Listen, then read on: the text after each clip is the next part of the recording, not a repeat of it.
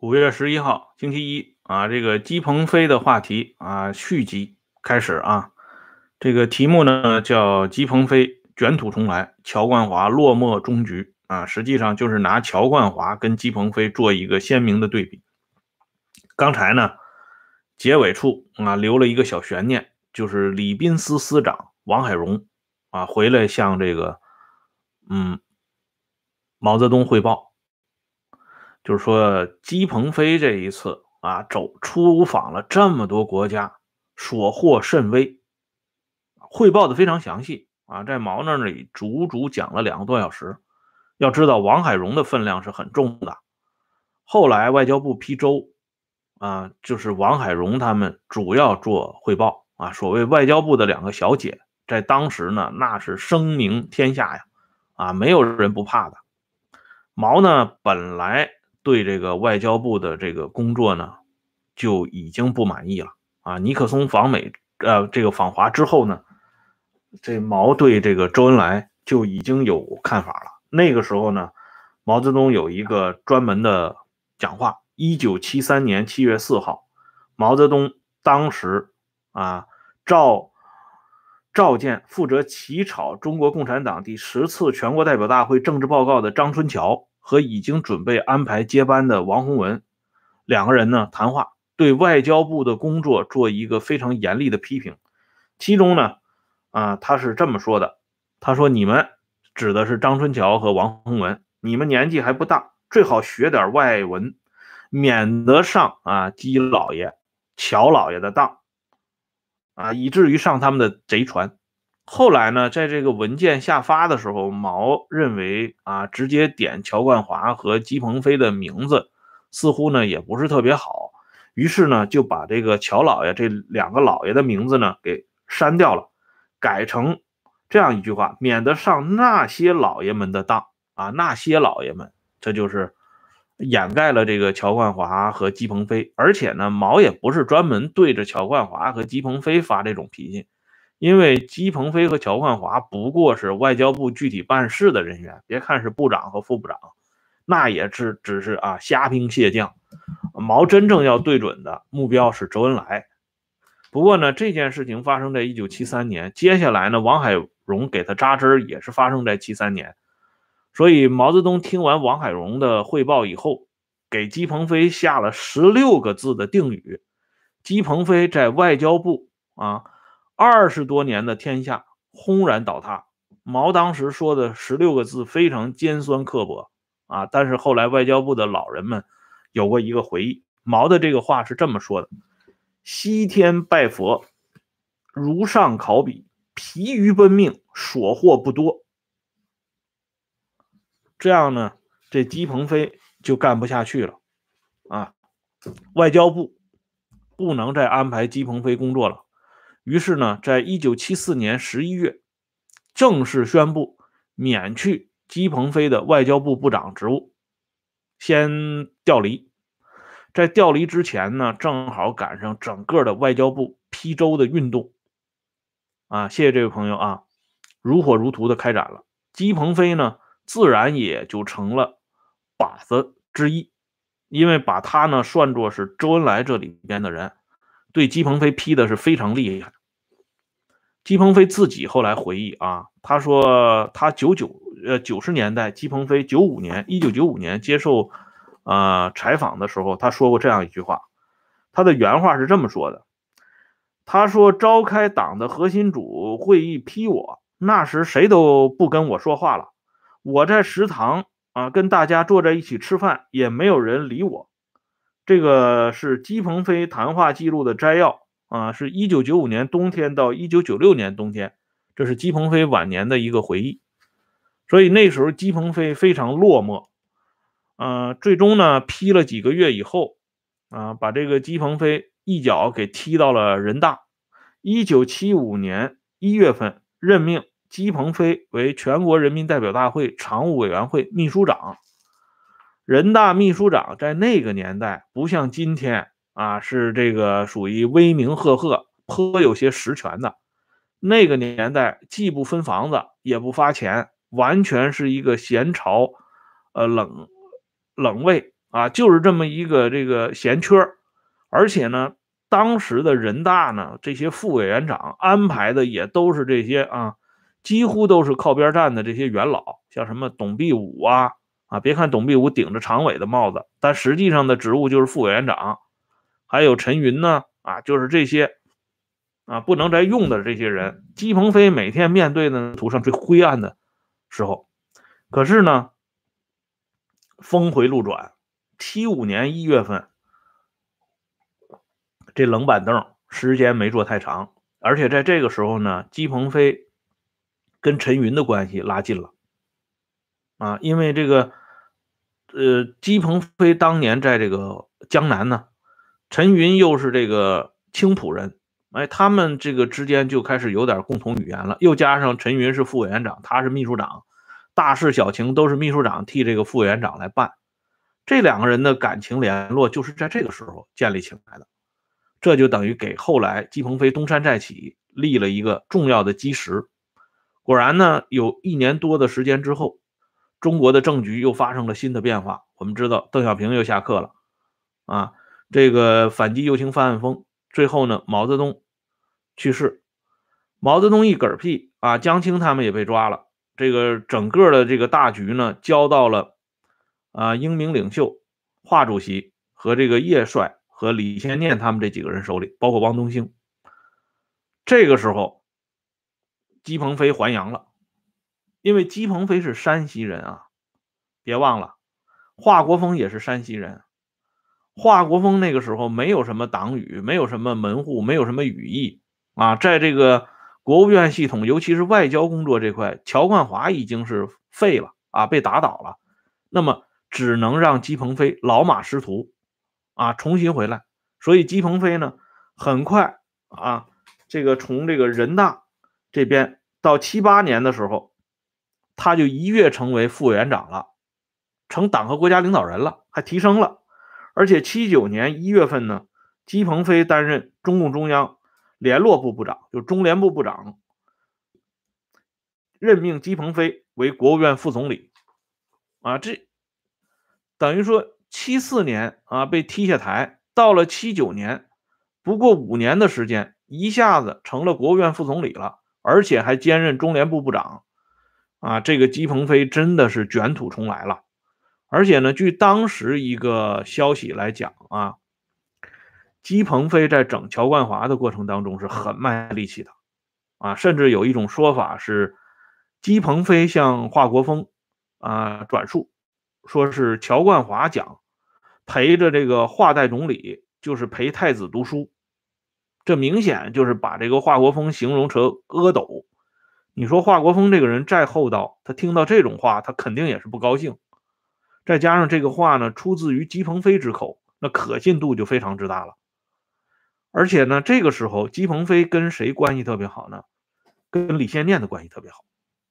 李先念对这个乔冠华一直就是不满意，啊，黄华有过一个后来担任外交部部长，黄华原来朱德的秘书，黄华有过一个回忆，他就说，他从外地回到北京的时候，李先念跟他用这个手手手掌做这个比对，说我告诉你啊，乔冠华这个人，他陷到四人帮那里了，已经陷到脖子这里了，就用手比着这脖子说。这李先念对乔冠华一点好印象都没有，所以在收拾乔冠华的这个过程当中，姬鹏飞是出了大力了。因此呢，这个乔冠华的啊未亡人 张涵之啊，在他晚年的回忆录这本《跨过厚厚的大红门》里边，也不忘了提一句姬鹏飞啊，他这个原话是这么说的，我给大家念一下啊，他说。想置冠华于我于死地的人并未得逞，反倒自己的处境也不妙了。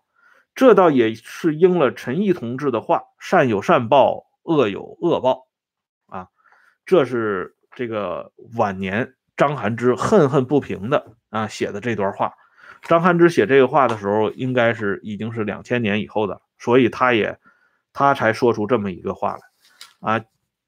接着呢，这个姬鹏飞。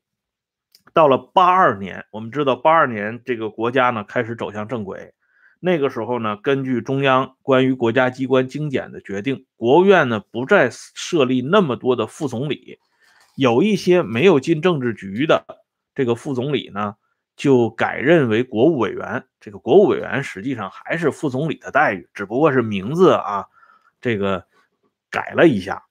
姬鹏飞呢就任国务委员，从副总理改任国务委员，同时呢兼任。中共中央外事工作领导小组常务副组长，协助组长李先念主抓统筹党政军群所有外事活动，参与国家的外交方针和重大外交活动决策。这一点很厉害啊！所以那个时候呢，因为那个七十年代后期，我们知道那是英明领袖主政的时候。所以那个时候呢，在英明领袖身边转悠的就是两个山西老乡，一个是徐向前，一个是姬鹏飞。所以后来批判这个英明领袖的时候，啊，有的人就说，说华国锋想靠着啊，文有姬鹏飞，武有徐向前，啊，想怎么样怎么样。按说呢，有人在党内放这种空气出来，姬鹏飞的这个官运是不是就戛然而止了？啊，因为徐向前我们知道后来就是啊年龄也大了，再说呢也真的就是没什么实权了。可是姬鹏飞不一样，刚才我们说了，八二年啊他又成了中央外事工作领导小组常务副组长了，陪着这个李先念啊再一次的这个走到了这个领导的前台，对这个外交工作呢指手画脚，有极大的这个话语权。所以在这个。推翻华国锋的这个整个的这些活动当中，姬鹏飞转身非常快，见机非常快。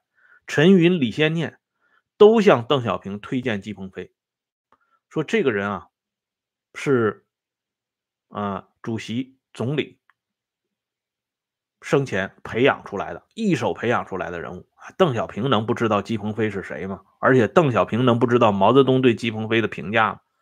而且这个时候，更关键的一个人物也出来了，邓颖超，邓大姐，邓大姐就讲了，外交部批周这个整个的这个活动，我们知道啊，外交部批周这个活动的原始档案，啊，经这个邓大姐向中央要求，整个的这个档案全销毁了，啊，再也看不到了，因为那个时间段里头批判周的人太多了。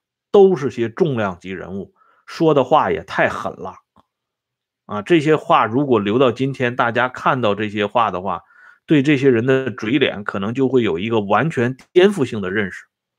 可是呢，姬鹏飞在这里边呢，他掺的股份是比较小的，否则这邓大姐也不会出来替他说话。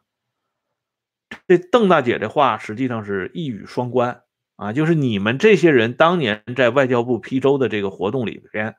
啊，你们都扮演什么角色？你们自己心里很清楚。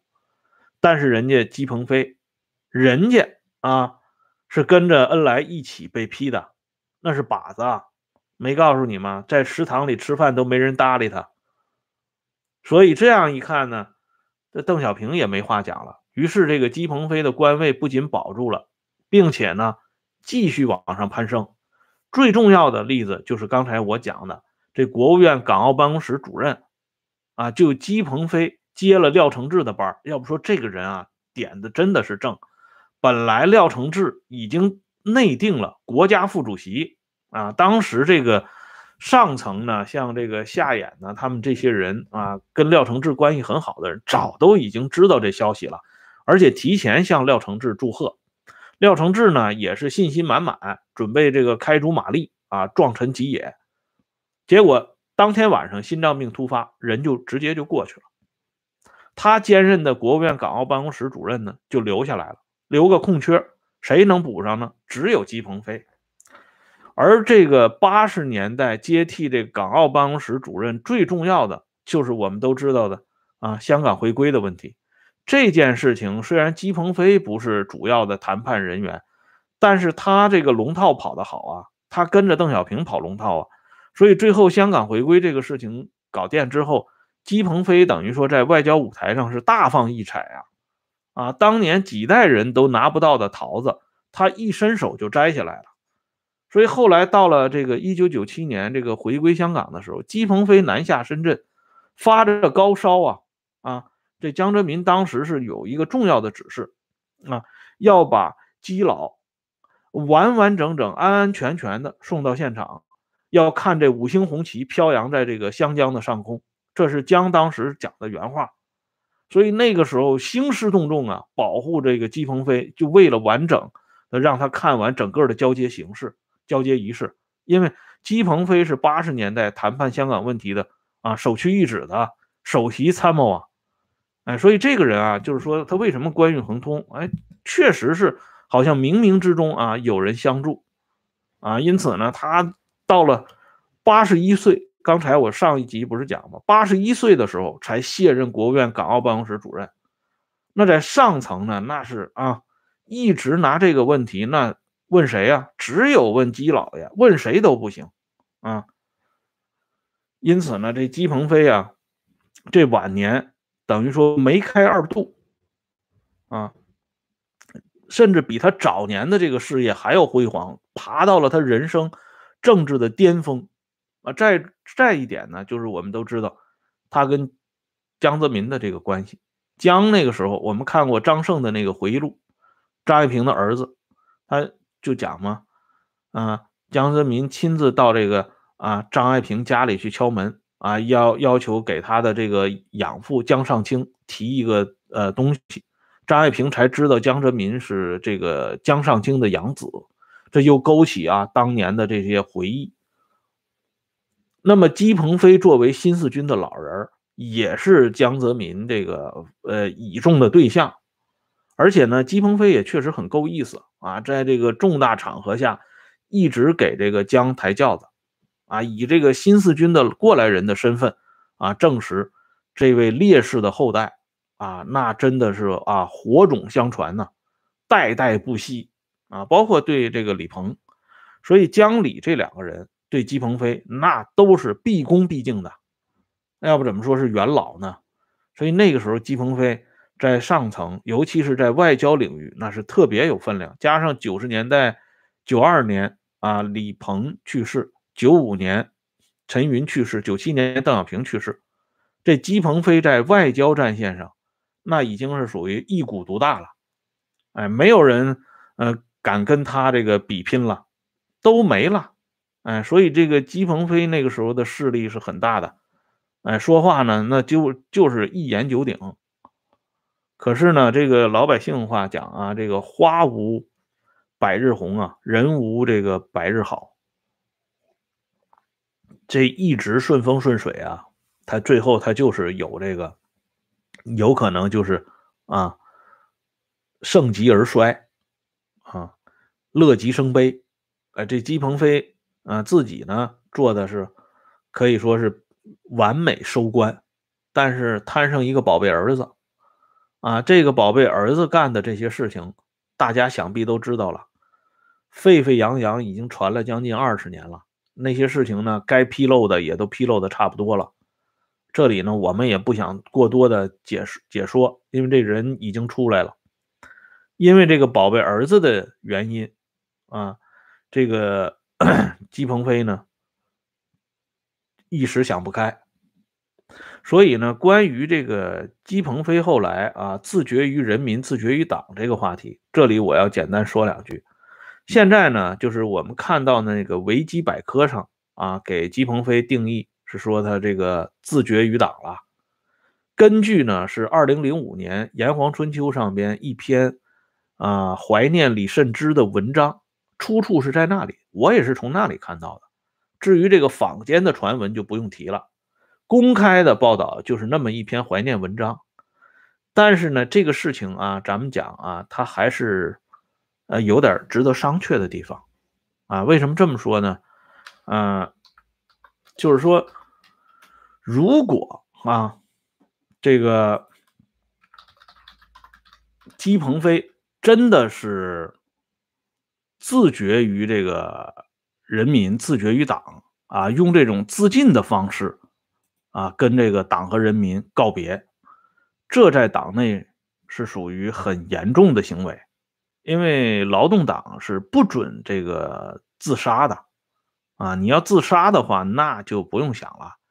别说是一个这么高级的领导人，就是普通的共产党员，你也不准用自杀的这种行为啊，来随意的了结自己的生命，不经组织批准，那自杀是不行的。我们都看过一个电视连续剧叫《天道》啊，最近还有朋友希望我讲一期这个《天道》。《天道》里边，卓小青扮演的是一位这个女警察，在这个电视剧开篇的时候呢，这女警察跟这个歹徒相遇。后来呢，她就被严重的毁容了，啊，这个痛不欲生，觉得生不如死，所以她就开枪自杀了。正是因为她的开枪自杀呢，在后来，在这个女警察的追悼会和他这个悼念规格上，啊，公安系统就根据上级的指示，因为他是属于自杀，所以他的这个追悼会就减低规格，甚至就不搞这个遗体告别了。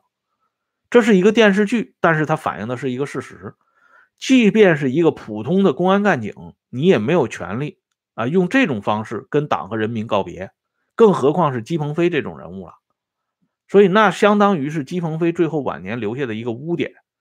可是呢，这个事情啊没这么简单。我给大家看一本书啊，叫《中共党史人物传》第七十七卷，第一个人物啊就是咱们这位姬鹏飞啊，第一张照片。嗯，第一张照片，姬鹏飞。这个书呢是编于哪一年呢？我给大家看一下版次啊。这个时间是二零零二年四月第一版，这是姬鹏飞去世之后啊编出来的这么一本书。换句话说呢，就是如果这个人啊，姬鹏飞这个人真的是啊自杀的话。那么，最后给予他的这个规格不会这么高，因为他死的时候啊，中共中央、国务院、全国人大当天就发布讣告，说姬鹏飞是久经考验的忠诚的共产主义战士、无产阶级革命家，我国外交战线的杰出领导人，是这么一个盖棺论定，啊，完全是按照正常程序走的，而且两年以后。中共党史人物传为他专门立传，你到今天你看到过薄一波在中共党史人物传立传了吗？没有。而且这个姬鹏飞的这个传呢，是由谁来编写的呢？我给大家念一下啊，他是由中共中央书记处批准成立的姬鹏飞传记编写组来编撰的。啊，这个编辑呃传记编写组的顾问是陈志玲。我们知道陈志玲是中共党史。研究系统里边很有名的一个专家，专门设立了组长，由管景臣同志担任组长，成员包括杨瑞广、周全成等同志。啊，这噼里啪啦的一大堆人物啊，都是这个姬鹏飞传记组的人员，我就不一一念了。哎，就是说，如果他真的是这种方式的话，后边不会给予他这么高的规格。而且呢，最关键的一点啊，是到了二零一零年了。那个时候你要知道，已经是胡温时代了。姬鹏飞百年诞辰的时候，规格也很高，啊，是由这个，呃，你们上网查一下，我记得是由李克强出来，啊，给他搞的这个活动。姬鹏飞当中联部部长当的时间很长啊，你可以去查一下。所以啊，这个领导干部啊。最重要的一点就是一个是他身后的评价啊，追悼会是什么规格？再一个呢，就是 他的这个百年诞辰，天道的那个电视剧啊，我看过好几遍啊，我记得情节应该没有错。反而天道的这个原著我没看过啊，否则我不会知道这么一个情节啊。嗯，这个过百岁是很重要的。你看，中共八届中央政治局里边，屈指可数的几个人没有过过百岁，啊，陈伯达、康生、林彪，这不可能过百岁了。但是呢，柯庆施也没过过百岁。柯庆施是二零零二年百百年诞辰，但是中央没有任何的啊举动，说明这个人物已经被打入冷宫了。可是姬鹏飞没有，在二零一零年继续过他的这个百百年诞辰。这说明呢，上层对姬鹏飞最后实际上是肯定的。如果姬鹏飞是采取那种方式的话，即便是当时为了掩盖这个事情啊，毕竟这个东西传出去不好听，那么后来也不会为他追加这么多荣誉。嗯，拿姬鹏飞和这个薄一波一对比，你就会发现，啊，整个的这情况就不一样了。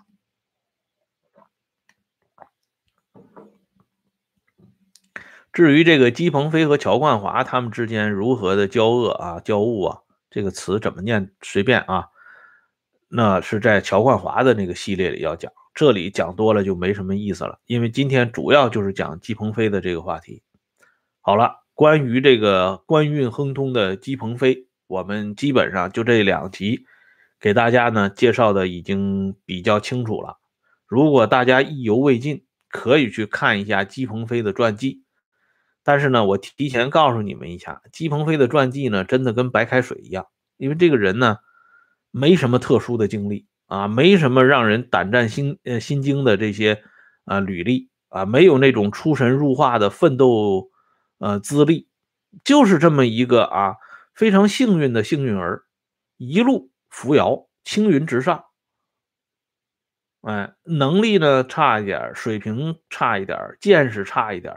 但是官运丝毫的不差，啊，党内就是有这么一些人啊。